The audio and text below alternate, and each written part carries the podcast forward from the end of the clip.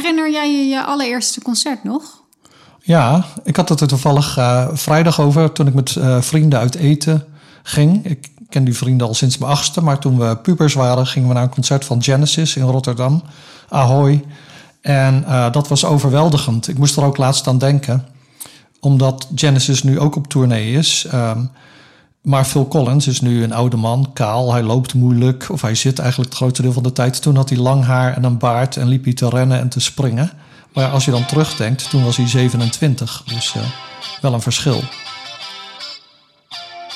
Dit is Drang naar Samenhang, de podcast over de psychologie van het begrijpen. Mijn naam is Rolf Zwaan. En ik ben Anita Eerland. In deze aflevering gaan we het hebben over onze voorliefde voor muziek. Hoewel we niet allemaal van dezelfde muziek houden, vinden de meeste mensen het wel fijn om naar muziek te luisteren. Muziek doet iets met ons. Hoe kunnen we dat verklaren? Ja, ik vind het wel een leuk onderwerp, uh, muziek. En ik vind het wel een interessante vraag eigenlijk waarom we van muziek houden. We hebben al ja, heel veel verschillende onderwerpen besproken in deze podcast. En mm -hmm.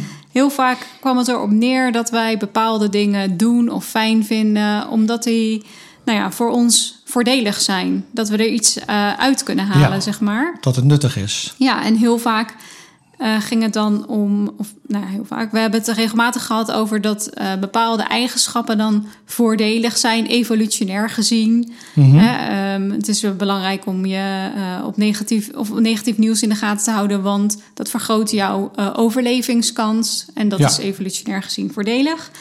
Maar als we het hebben over muziek en het houden van muziek, ja, mm -hmm. eigenlijk zit daar geen evolutionair voordeel aan. Zo op het oog niet, nee. Het is niet zo dat als jij um, van muziek houdt, uh, dat jou, de kansen om jouw genen door te geven groter worden daarmee. Of dat je, doordat je van muziek houdt, langer in leven blijft of zo. Als je op een onbewoond eiland zit, dat je dan denkt van... ik heb weliswaar geen eten, maar ik hou wel erg van Chopin of zo. Ja, en dat, dat je dan ja. toch je genen kan doorgeven ja. of zo. Dus het is wel een fascinerende uh, vraag eigenlijk. Ja, hoe komt het dan dat we uh, toch muziek leuk vinden? Um, en nu is het zo dat emoties wel hm. noodzakelijk zijn voor ons overleven. Daar hebben we het ja. ook al eerder over gehad. Hè? Dus dat je angst voelt voor iets en dan ga je dus gevaar niet opzoeken. Um, en het is dus emoties helpen ons een beetje om te navigeren in de wereld. Die zorgen ervoor dat we ons aangetrokken voelen tot de goede dingen en, en wegblijven -hmm. van uh, gevaarlijke dingen. Heel uh, kort door de bocht gezegd. Um, en op de een of andere manier activeert het luisteren naar muziek dus ook emoties. Ja. Um, en de vraag is eigenlijk, ja, hoe hoe komt dat? Dus emoties zijn heel belangrijk voor ons overleven. Mm -hmm. En muziek activeert dat, maar, is, maar lijkt op het oog niet belangrijk voor ons overleven. Mm -hmm. Dus dat is een paradox. Ja, en er zijn verschillende ideeën over. Mm -hmm. uh, van hoe komt het dan dat wij muziek zo leuk vinden? Nou, en daar gaan we het in deze aflevering over hebben. Ja, en dat, uh, dat komt niet uh, zomaar out of the blue, want aanleiding is een artikel dat in druk is in het theoretische tijdschrift Psychological Review. En dat kwam ik tegen en ik dacht, hé, hey, dat is interessant. En we houden allebei van muziek. Um, Niet per definitie van dezelfde, dezelfde muziek. muziek. Nee, maar, maar wat... En we weten er op zich niet zoveel van. Want ja, als cognitief psycholoog hou ik me meer bezig met taal, geheugen, denken. Um, misschien ook nog wel perceptie en aandacht. Maar muziek is dan toch wel weer iets anders. Dus daar wist ik meer wat van als liefhebber dan als uh, psycholoog eigenlijk. Maar ja, nu gaan we dus een psychologische pet opzetten. Ja, het is wel juist wel leuk om het, het onderwerp vanuit, die, ja. vanuit dat perspectief te benaderen. Nou, en eigenlijk is het ook niet zo gek dat, dat wij dus weinig aandacht voor muziek gehad hebben in ons onderzoek. Want die auteurs van dit artikel in Psychological Review, die zeggen dat geldt voor het hele vakgebied. En uh, ze zeggen, er is altijd binnen de psychologie een hele beperkte kijk op muziek geweest. En wat zij in dit artikel willen doen, is een meer omvattend beeld of een omvattende theorie van muziekbeleving voorstellen. Mm -hmm. En nou ja, wat bedoelen ze dan met muziekbeleving? Daarmee bedoelen ze de verzameling psychologische processen die betrokken zijn bij de neiging van iemand om met muziek om te gaan. En uh, dat kan zijn het luisteren naar muziek, uh, muziek imiteren, uh, in je hoofd muziek voorstellen, muziek uitvoeren of gewoon dansen of wat dan ook. Um, maar het is bijvoorbeeld ook als je geïnteresseerd bent in een bepaald muziekgenre of in um, de geschiedenis van een traditie of uh, in een bepaalde muzikant of een uh, producent van muziek of wat dan ook. Dus uh, het is een tamelijk breed beeld van muziekbeleving wat ze hier voorstellen. En dat gaat dus van het bestuderen van platenhoezen, wat ik als kind altijd deed van oh, wie heeft dit nummer geschreven en wie speelde wat. En oh, deze persoon speelde ook op die uh, LP enzovoort. En zo kreeg je dan hele netwerken van muzikanten die je kon ontdekken toen, een, toen we nog LP's hadden. Dat is dus ook deel van de muziekbeleving. Maar bijvoorbeeld ook het schrijven van muziekgeschiedenis. Dat je een, laten we zeggen, een blog bijhoudt over B.B. King of weet ik veel wat. de geschiedenis van de blues. Um, dus deze onderzoekers zeggen dat hoort er allemaal bij. Dat is context, die is belangrijk voor de muziekbeleving. En die werd altijd genegeerd in uh, eerdere theorieën die meer uitgingen van hedonisme. Hè, van uh, alleen maar het leuk vinden van de muziek zelf. Ja, dus meer het, het, uh, het passief consumeren eigenlijk. En al die dingen die jij nu beschrijft, is meer actief met de muziek aan de slag gaan. Dus dat je ja. dingen opzoekt ook en zo. En niet de muziek per se, maar ook dingen om de muziek heen eigenlijk. En en zij zeggen dat dat perspectief wat zij dus voorstellen met die uh, componenten die ik net noemde, mm -hmm. dat stelt uh, ze dan in staat om vragen te beantwoorden zoals uh, waarom zijn mensen in alle bekende maatschappijen en culturen bezig met muziek? En welke hersendelen worden door muziek geactiveerd? Dat vind ik op zich niet zo'n hele interessante vraag. Op zich, welke hersendelen? So what? Het is zoals de filosoof Jerry Fodor zei. Somewhere, somewhere north of the neck. dus het is ergens boven de nek. En meer hoef je niet te weten, tenzij je dus meer specifieke vragen hebt. Maar ik vond dit een beetje een raar punt in het artikel. En ook uh, is er een verband tussen muziek en domeinen zoals taal, wiskunde en sociale cognitie. Mm -hmm. uh, sociale cognitie is bijvoorbeeld hoe wij het gedrag van anderen interpreteren en dat soort dingen, waar we het ook over gehad hebben. Vragen zoals houden dieren ook van muziek? Ik geloof niet dat wij het hierover gaan hebben. Maar, en wat is de evolutionaire oorsprong van muziekwaardering? Jij zinspeelde daar al een beetje op natuurlijk, omdat je zei van, uh, ja, hoe is het eigenlijk nuttig hè, voor ons? En, uh, ja, het is toch best een, een rare eigenschap uh, die dan overgebleven is. Ja, ja zeker. En nou ja, dan, dan, gaan we dus kijken wat we daarover te weten kunnen komen. En wat ze dus zeggen is dat mensen die bezig zijn met muziek, die, nou ja, die zijn dan ook bezig met kennis over zichzelf. Hè? muziek wordt gebruikt bijvoorbeeld om je deels je identiteit te bepalen. Um, maar mensen kijken ook naar, uh, nou ja, de, dus de biografieën van muzikanten, zoals ik al zei, en de contexten waarin mensen muziek tegenkomen. Mm -hmm. En als je daar dus niet naar kijkt, zeggen de auteurs van dit artikel, dan blijft dus dat onderzoek naar muziekwaardering steken in een uh, reductionistische ondergrond. Je reduceert alles tot uh, het waarnemen van geluiden of zoiets. Ja. Ja. ja, dat vinden zij dus een te beperkte uh, kijk ja. op uh, muziek. Dus zij zeggen als je muziekwaardering, zo, zo noemen zij dat dan, als je dat wil onderzoeken, dan moet je eigenlijk meer, um, meer factoren meenemen of meer aspecten daarvan bekijken. Ja. En zij maken in dat artikel onderscheid tussen drie van die soorten muziekwaardering. En die gaan ze dan vervolgens uh, uh, verder uitwerken. Maar ze zeggen. muziekwaardering bestaat uit het waarderen van muzikale structuren. Mm -hmm. um, dus dat is één zo'n aspect. die andere, dat noemen ze ja, de zelfgeoriënteerde waardering. Dus dat gaat over ja, Nee, je noemde het al eventjes, hè? Dat, uh, het belang van muziek bij het ontwikkelen van je identiteit. Uh, ja. En hoe muziek verweven is met het autobiografisch geheugen. Daar mm -hmm. zullen we later ook nog uh, dieper op ingaan. en de laatste vorm van muziekwaardering ja, noemen zij source sensitivity. Mm -hmm. Ik, ja, dat is brongevoeligheid, maar dat vind ik een beetje een rare vertaling voor wat ze ermee bedoelen. Um, Meer bron, je bewustzijn van de context waarin muziek uh, geproduceerd werd. Hè? Ja, precies. Dat je um, muziek kan plaatsen in een bepaalde uh, tijd, bijvoorbeeld. Ja. Bepaalde genres zijn, over, zijn in bepaalde tijden meer populair geweest, of bepaalde genres zijn in een bepaalde tijd opgekomen. Uh, maar ook bijvoorbeeld de culturele achtergrond van muziek. Mm -hmm. um, dus dat muziek uh, ja, ik, ik, moet dan uh, denken aan uh, muziek die op plantages opkwam bij um, mensen die daar als slaaf werkten. Ja. En dat, ja. dat is zo, volgens mij zo'n voorbeeld van een culturele context van Mhm. mm -hmm. bepaalde muziek.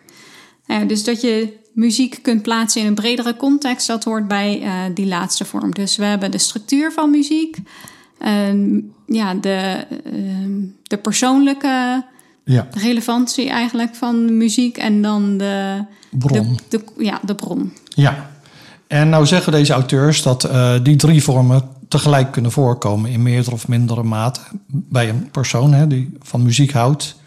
En uh, het probleem met het huidige onderzoek in de psychologie is dat uh, het onderzoek naar deze componenten, dus de structuur, de persoon en de bron onafhankelijk van elkaar zijn uitgevoerd. Het zijn eigenlijk onafhankelijke onderzoekstradities en die moeten worden geïntegreerd. Mm -hmm. Dat is het, uh, het idee.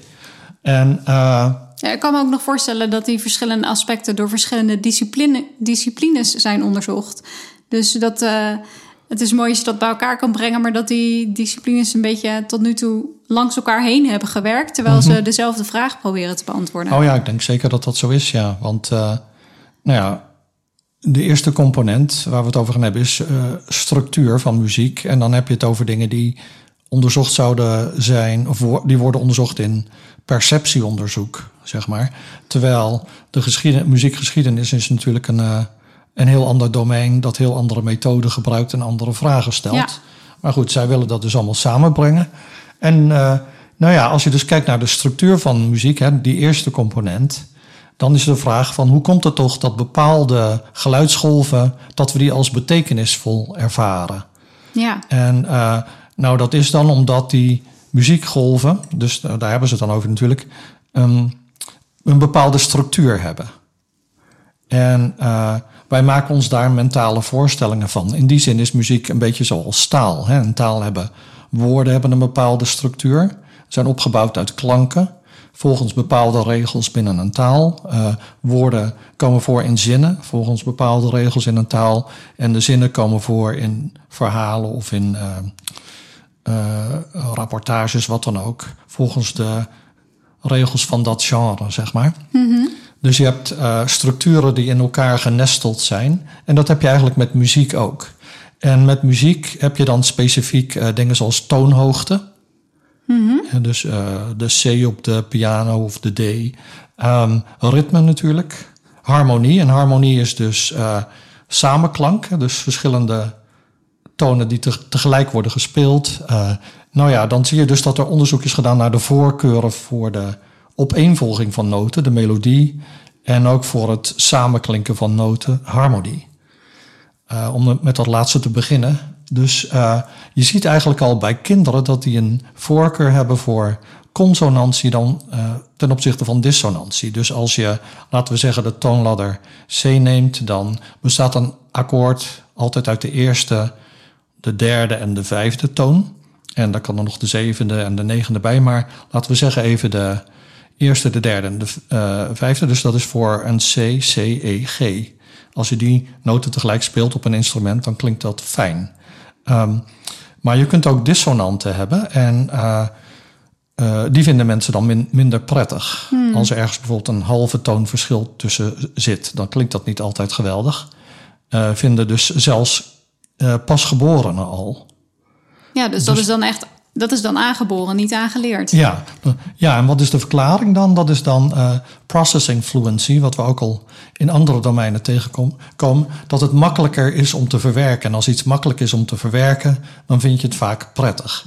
En waarom zijn consonante tonen dan makkelijk uh, te verwerken? Ja. Omdat als je kijkt naar het geluidsspectrum dan is er veel overlap tussen die tonen. Dus om ze te integreren, je hoort ze alle drie tegelijk, Ah, is het makkelijker dan eh, de akoestische verwerking is makkelijker dan bij eh, eh, dissonante akkoorden.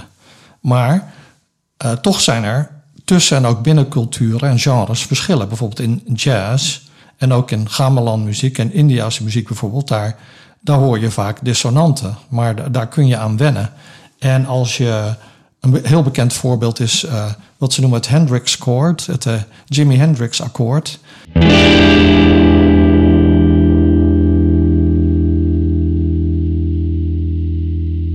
Het klinkt een beetje dissonant, eh, veel meer dan een gewoon E-akkoord.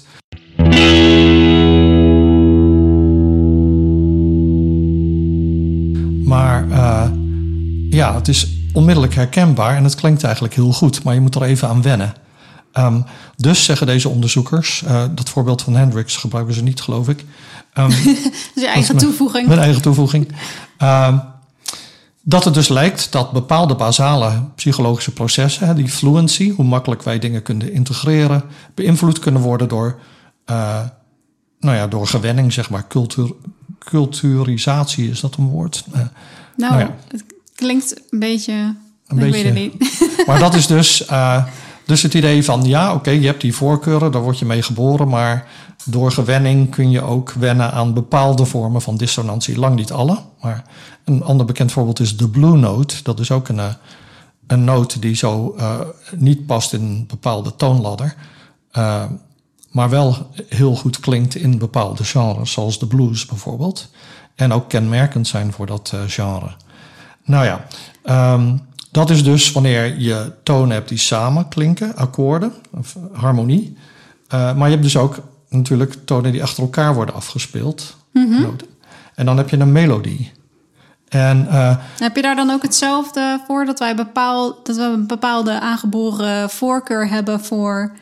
Ehm, met melodie, nou, daar hebben ze het meer eigenlijk over andere dingen. Bijvoorbeeld eh, ten eerste over dat wij dus allemaal geen, of de meeste van ons, geen absoluut gehoor hebben. En ik geloof dat soms als je jong bent, sommige mensen hebben het als, het als ze jong zijn, maar dan verliezen ze dat weer. Maar we horen wel relatieve eh, eh, verschillen. Dus wij kunnen een melodie herkennen. Oh ja, dat is, laten we zeggen, het Wilhelmus. Maar als het een halve toon hoger wordt gespeeld, hè, dus alle Ja? noten, dan herkennen we het nog steeds als het Wilhelmus. Dan zeggen wij niet van, oh, dat is het niet. Want we Ah, horen ja. niet die absolute. De onderlinge Ja. verschillen zijn hetzelfde. Dus Ja. je, je hoort wel dezelfde... Ja, maar de absolute frequenties kunnen de meeste mensen dus eh, niet goed eh, herkennen. En dus, ehm, nou ja, die melodieën hebben een esthetisch belang, want ze kunnen emoties oproepen. Hè. Ze kunnen spanning oproepen bijvoorbeeld. Hè, van, eh, je verwacht dat de melodie een bepaalde kant op gaat, maar het komt maar niet, het komt maar niet. En dan ja hoor, daar, daar is het akkoord of daar is de noot waar je op zat te wachten. En eh, nou ja, ze kunnen ook dus eh, verrassing op, oproepen. Je verwacht iets en er komt iets anders. En ontspanning. En hoe ro- roept een eh, melodie nu spanning op? Nou ja, door dus die verwachtingen op te roepen. Hè. Je, je begint bepaalde patronen te herkennen, dus dan ga je ook dingen verwachten. En dan kan dat moment waarop die verwachting bevredigd wordt, worden uitgesteld. Of, het, of er kan iets heel anders gebeuren wat verrassend is. Maar op die manier kan dus een componist of muzikant spelen met de verwachtingen van de luisteraar. En dat haakt, dat sluit eigenlijk heel mooi aan eh, op iets anders wat ik wilde zeggen over eh, een, een mogelijke verklaring voor, waar we dan, voor waarom we dan zo van muziek houden. Dat heeft namelijk met die eh, verwachtingen te maken. Een van de hypotheses is namelijk dat, eh, ehm, dat wij zo van muziek houden omdat wij, of ons brein, eh, van patronen houden. En we hebben al, al vaker gezegd dat eh, begrijpen gaat om het herkennen van eh, patronen. We zien soms ook patronen als ze er niet zijn. Nou, in muziek zitten wel patronen. Je hebt ook gezegd, er zijn bepaalde regels voor hoe muziek in elkaar zit en zo. Dat maakt ook dat we dus min of meer kunnen voorspellen wat er gaat komen.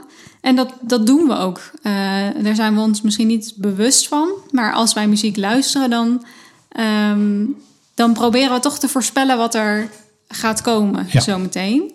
Ehm, en dat is nou ja, fijn als dat dan gebeurt. Ja, Dan eh, hebben we een, een patroon in ons hoofd. En eh, wat we horen voldoet dan aan die verwachtingen.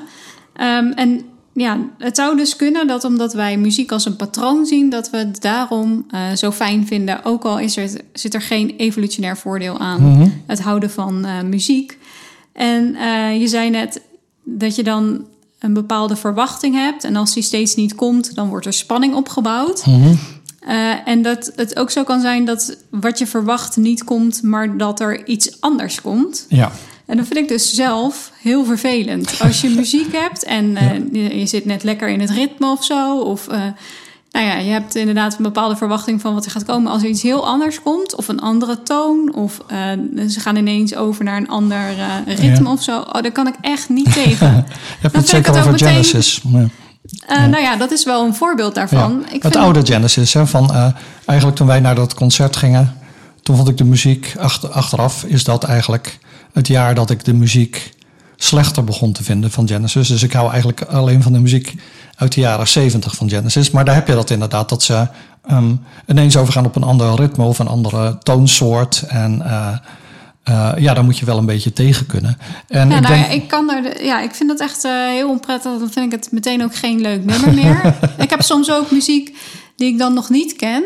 En dan duurt het wel even een tijdje voordat ik door heb wa- wat het ritme nou is. Dus dan Oh ja. heb ik het gevoel alsof ik steeds op het verkeerde been word gezet. Daar hou Dat ik ook kan, niet van. Dat kan ook, ja, als het eh 7 achtste is of 5 vierde, een vreemde maatsoort.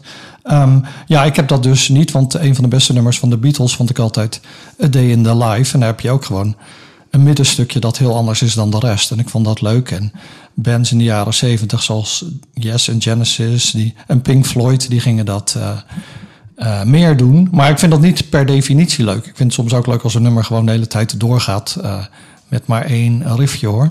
Dus het is niet dat ik dat per se leuk vind, maar ik vind het niet altijd storend, laat ik het Nee, zo zeggen. misschien ben je er wel eh, toleranter voor. Ja. Omdat je dus, mm, denk ik, meer naar dat soort muziek hebt geluisterd. Ja. En het kan dus ook zijn dat jouw verwachtingen van muziek, als je iets hoort, dat je meer verschillende verwachtingen Ja. kunt hebben. Hè? Dat Ja. je meerdere manieren kunt bedenken waarop de muziek verder gaat. Ja, Terwijl voor mij misschien alleen maar de meest eh, voor de hand liggende manier een fijne manier is of, of wat ik verwacht.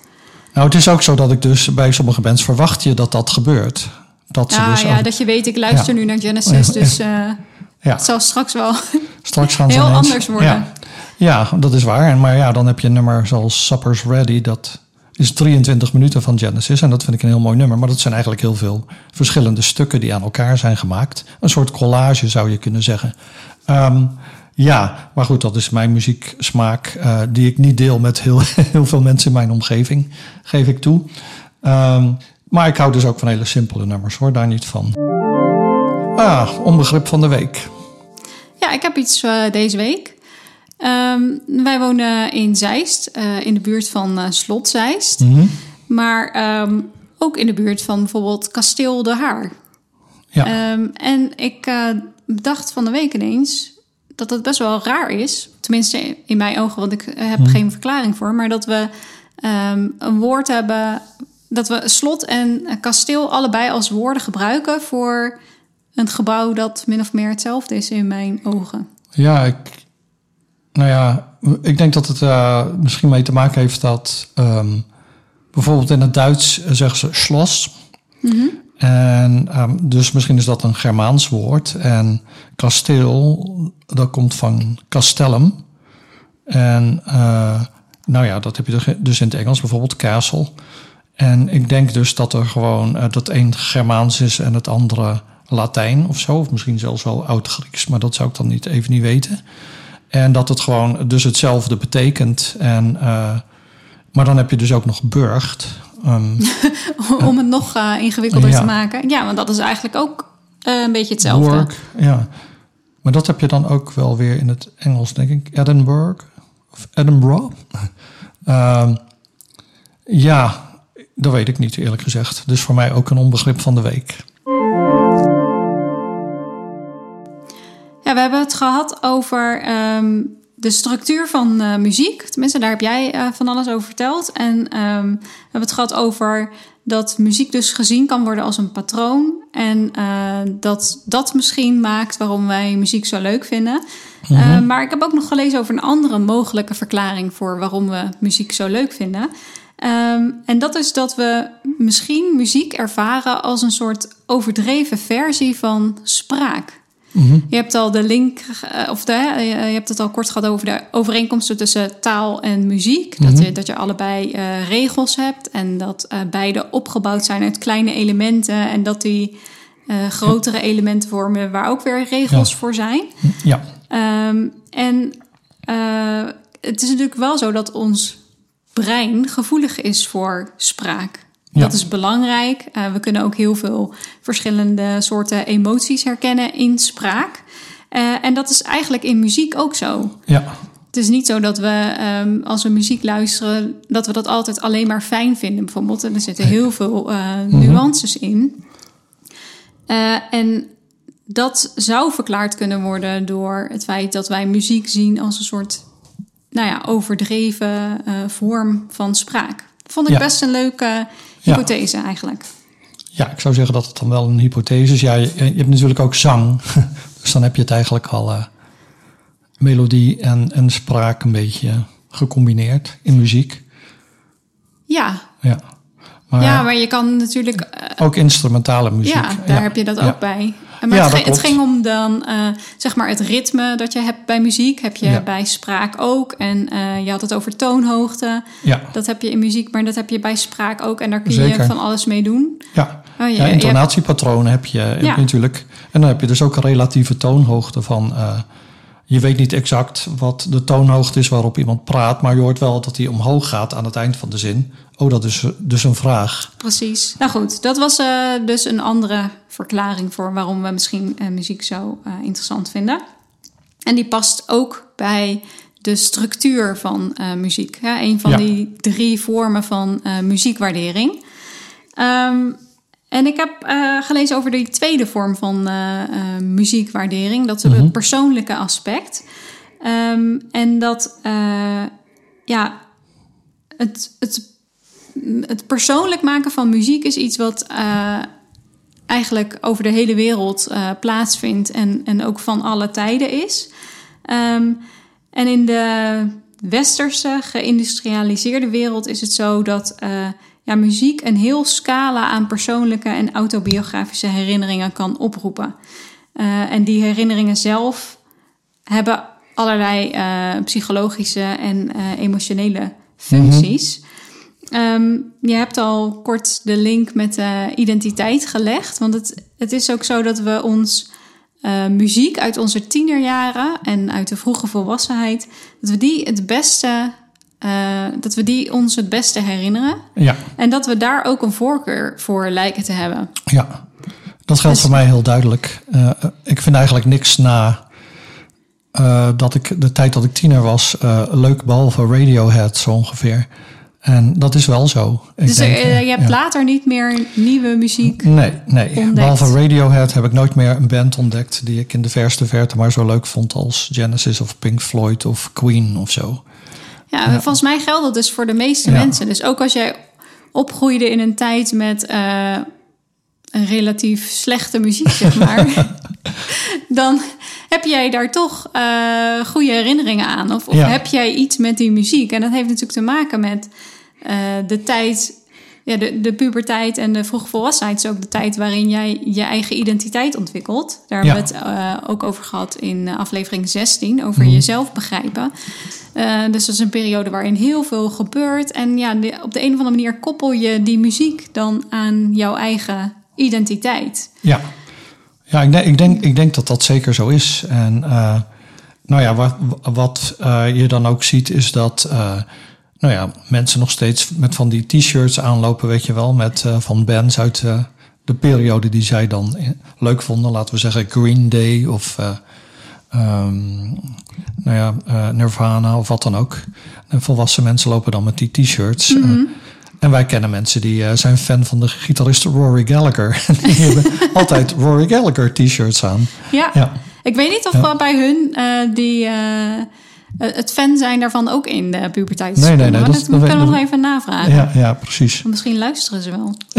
ja, inderdaad. maar de, ja, dus dat is muziek die ons bijblijft, waar we speciale herinneringen aan hebben. En, en die herinneringen worden dan steeds opgeroepen als we die muziek Ja. horen. Dat is logisch, daar zit een link tussen. Dus dan zijn we weer even terug in die tijd. Dan eh, doet het ons denken aan de mensen met wie we toen omgingen. Of om, bepaalde gebeurtenissen. Bijvoorbeeld als je een concert hebt bezocht of zo. Van, Ja. eh, Maar er, er zijn ook. ehm, hè, dat is nogal relativistisch. Dan zeg je eigenlijk de muziek in elke periode is ongeveer even goed. Maar de, dus op YouTube iemand, Rick Beato, eh, heel bekend. En die eh, dus een eh, muziekproducer en hij is ook eh, docent muziek geweest. En eh, die heeft een hele theorie dat de muziek gewoon in de jaren 60 en 70 beter waren. Omdat mensen meer complexe en interessante akkoorden, volgordes van akkoorden gebruikten. De Beatles bijvoorbeeld, dan gedaan, wordt, gedaan werd na de jaren 90 zo ongeveer. Ook al vindt hij dan eh, grunge muziek ook geweldig.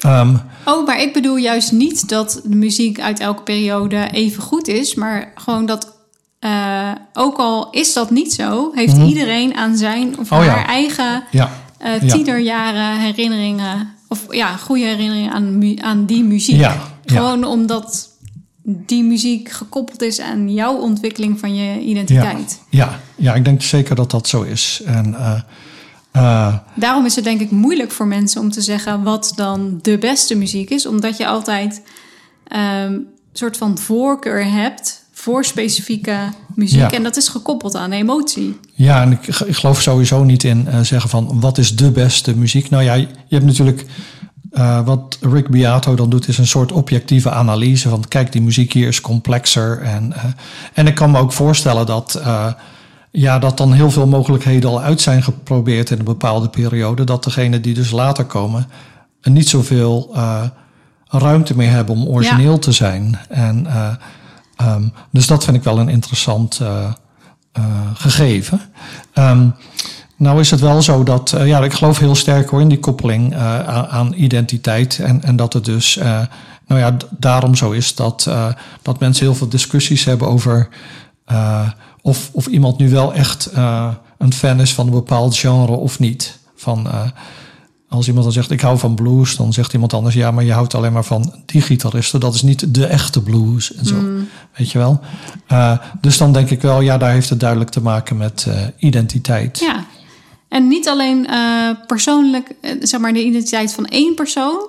Maar dat stond ook in het artikel, dat vond ik wel leuk. Eh, er zijn ook best veel stelletjes die dus eh, die hun eigen nummer hebben. En de- dat nummer staat dan symbool voor hun relatie.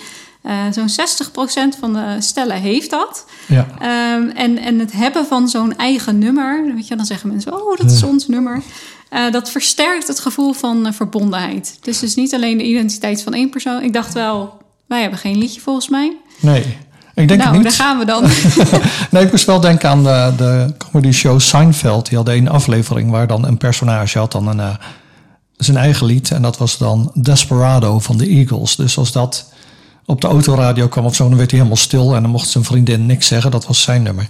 En toen zei, zei hij, wij moeten ook zij zei, wij moeten samen een nummer hebben. Aha. Witchy Woman of zoiets was dan het nummer wat zij samen wilden hebben. Maar dat, daar wilde hij niet aan. En, eh, dus, eh, maar dat was inderdaad dat idee. Of een soort persiflage op dat idee van een stel, stel moet een nummer hebben. En eh, ja, ik geloof niet dat wij dat hebben. Eh, ik kan zo gauw niks bedenken. Nee, dat hebben we ook niet. We zijn een van die 40% Ja, ja precies, precies. Ehm, nou ja, dan, dan hebben we het dus nu, je hebt het nu gehad dan over dat autobiografische gedeelte. Daarvoor had ik het over structuur.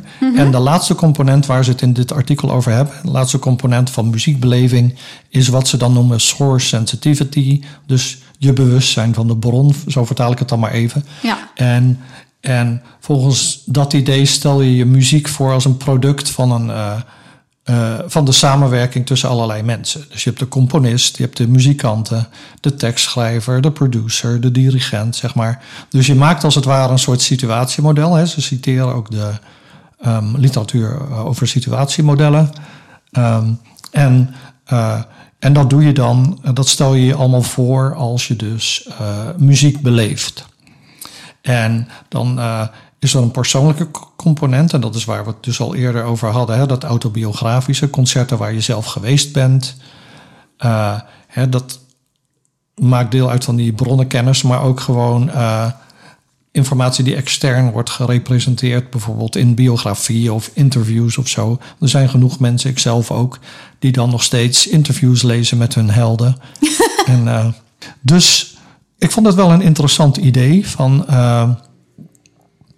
Bij muziekbeleving hoort meer dan alleen een nummer opzetten en daarnaar luisteren. En herinneringen oproepen, zeg maar. Dus het is niet alleen wat er vanuit jezelf wordt opgeroepen aan herinneringen die je hebt, maar ook wat je er ja, wat je erover hebt opgezocht. Ja. Bijvoorbeeld eh, als je ergens in gaat verdiepen, informatie over uh, de muzikant. Nou, wat jij zei, als je kijkt op de platenhoes, wie heeft het nummer geschreven, wie speelt welk instrument, dat soort dingen. Ja, en dat gaat heel ver van uh, welke.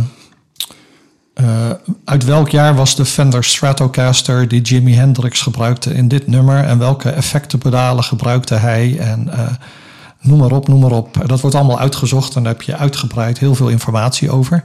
En, en dat raakt aan een, een, onderwerp wat ze hier ook noemen, namelijk authenticiteit. Deel van onze mu muziekbeleving is blijkbaar dat we het authentiek moeten vinden.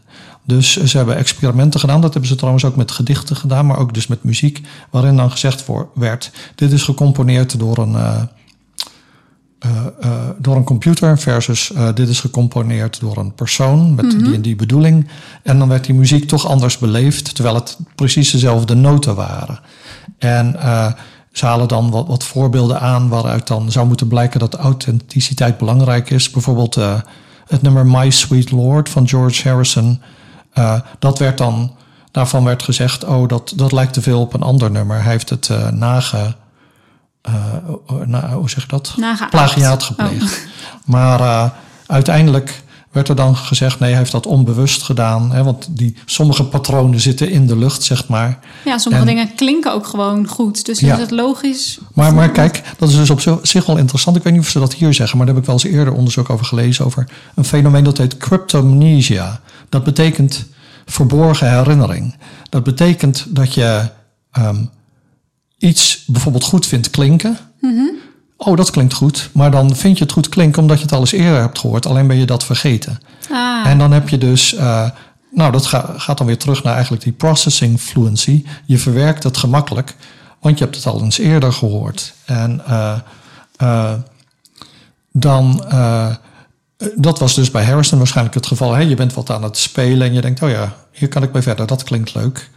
En dan is dat een onbewust proces. Maar die authenticiteit kwam dan ook naar voren bij een, recent concert van Rihanna, waar ze playbackte. En de mensen waren allemaal boos en liepen boos weg en zo. En, uh, en je ziet het ook dat uh, dingen dan uh, heel veel geld opbrengen uit het verleden. Dus niet alleen een briefje dat getekend is door John Lennon, maar bijvoorbeeld juist muziekinstrumenten ook. Dus de Stratocaster van David Gilmour, de gitarist van Pink Floyd. Zo'n beetje iedereen's favoriete gitarist op YouTube. Die, ja, die brengt dan weet ik hoeveel geld op. Uh, want dan denken mensen, als ik dat ding in handen heb, dan heb ik magie in handen. we hebben trouwens niet zoveel over klassieke muziek moet ik erbij zeggen, nu ik er zo over nee, nadenk. Terwijl maar dat dat ik dat wel heel fijn vind om naar te luisteren. Ja, dat is iets minder mijn ding, moet ik bekennen. Ik ben een beetje een Nee, maar jij hebt Genesis al. Ja, nou ik heb als er geen gitaar in voorkomt, vind ik het meestal minder interessant. Dat is een beetje mijn handicap. Uh, maar goed, daarom hebben we dus minder over klassieke muziek gehad. Maar natuurlijk is die misschien wel het belangrijkst. Uh, maar wij zijn gewoon beperkt natuurlijk in wat wij daarover kunnen vertellen. Uh, en wat, trouwens ook, en door wat er in dat artikel staat, hè, er wordt ook weer verwezen naar populaire muziek. Ja, ja, heel erg. Ja.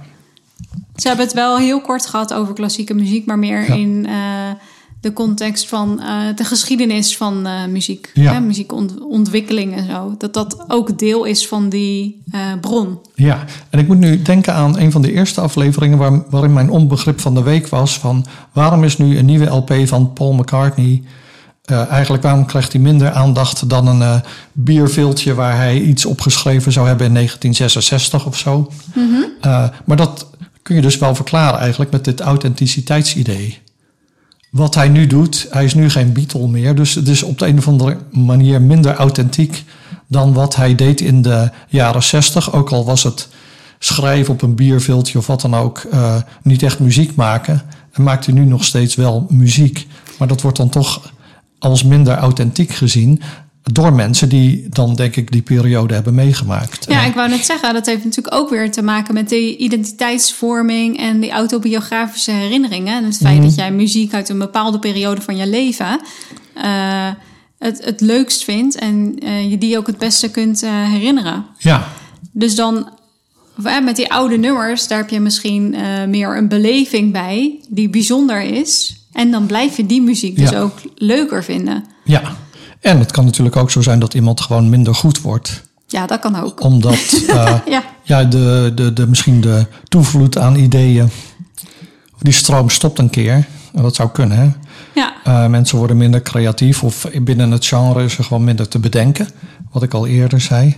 ja, dat kan heel goed. Nou hebben we het natuurlijk over muziekwaardering, maar we, we moeten het ook hebben over onze waardering van dit artikel. Want het staat in Psychological Review en vaak staan daar artikelen in die. Dat zijn modellen van een of ander psychologisch proces. Ik vond dit wel echt een ander soort artikel, want het is meer zoiets van. eh hey mensen, dit is een belangrijk onderwerp en er is weinig onderzoek naar. Wij brengen wat dingen bij elkaar. Ja. Ehm, ik zeg het nu, ik formuleer het een beetje negatief, maar ehm, je kan er op zich nog niet zo heel veel mee, vind ik, eh, als onderzoeker. Van, eh, als je zegt van oké, ik ga mu- muziekbeleving, daar ga ik onderzoek naar doen, vind ik niet dat dit artikel jou op een duidelijk pad zet. Nou, het, ehm, het brengt inderdaad verschillende eh, aspecten van onderzoek hiernaar eh bij elkaar. Ik denk dat het je, eh, als je dit onderzoek wil gaan doen, wel kan helpen met ideeën voor hoe je dat verder kan gaan onderzoeken. Maar zij hebben een heel ingewikkeld model opgesteld. Maar in feite kun je daar niet zo heel erg veel mee. Ze zeggen gewoon die drie aspecten zijn belangrijk. Die drie vormen van muziekwaardering. Ehm, en eh, die kunnen fluctueren. Dus eh, als jij eh, nummer A op moment B heel leuk vindt, dan kan dat zijn omdat al die drie waarderingen hoog zijn, of de een is hoog en de ander is laag. Maar omdat het zo flexibel is, kun je dus niet bijvoorbeeld op basis van hun model voorspellen wanneer mensen een bepaald soort nummer ehm, meer waarderen dan een ander nummer. Nee, Bijvoorbeeld. nee, dat klopt. Dus ja, dus wat dat betreft zou ik zeggen van. ehm, ik weet niet of het in Psychological Review had moeten staan, maar ik vond het wel een leerzaam art- eh, artikel, omdat eh, ja, ik niet, eigenlijk ja, als amateur wel geïnteresseerd ben in muziek, maar niet onderzoeksmatig. En eh, ik heb er toch behoorlijk wat van geleerd, vind ik. Nou ja, ik vond het ook een heel leuk onderwerp om eens in te verdiepen. Nou, hopelijk hebben we er dan ook leuk over gepraat. En dan zijn we weer aan het eind gekomen van een aflevering. Ja, even een plaatje opzetten. Ja. Genesis. Vond je dit een leuke aflevering? Abonneer je dan. Op Twitter en Instagram zijn wij te vinden als Drangkast. Je kunt ons ook mailen via drangkast.gmail.com. Een beoordeling met 5 sterren helpt nieuwe luisteraars onze podcast te vinden. Behoefte aan meer drang naar samenhang? Ga dan naar de boekwinkel of bestel het boek online via www.boompsychologie.nl slash drang naar samenhang. De hoofdstukken die aansluiten bij deze aflevering vind je in de show notes. Tot de volgende drang. Drang naar Samenhang is een podcast van Rolf Zwaan en Anita Eerland. Montage door Rolf Zwaan. Muziek geschreven en gespeeld door Rolf Zwaan.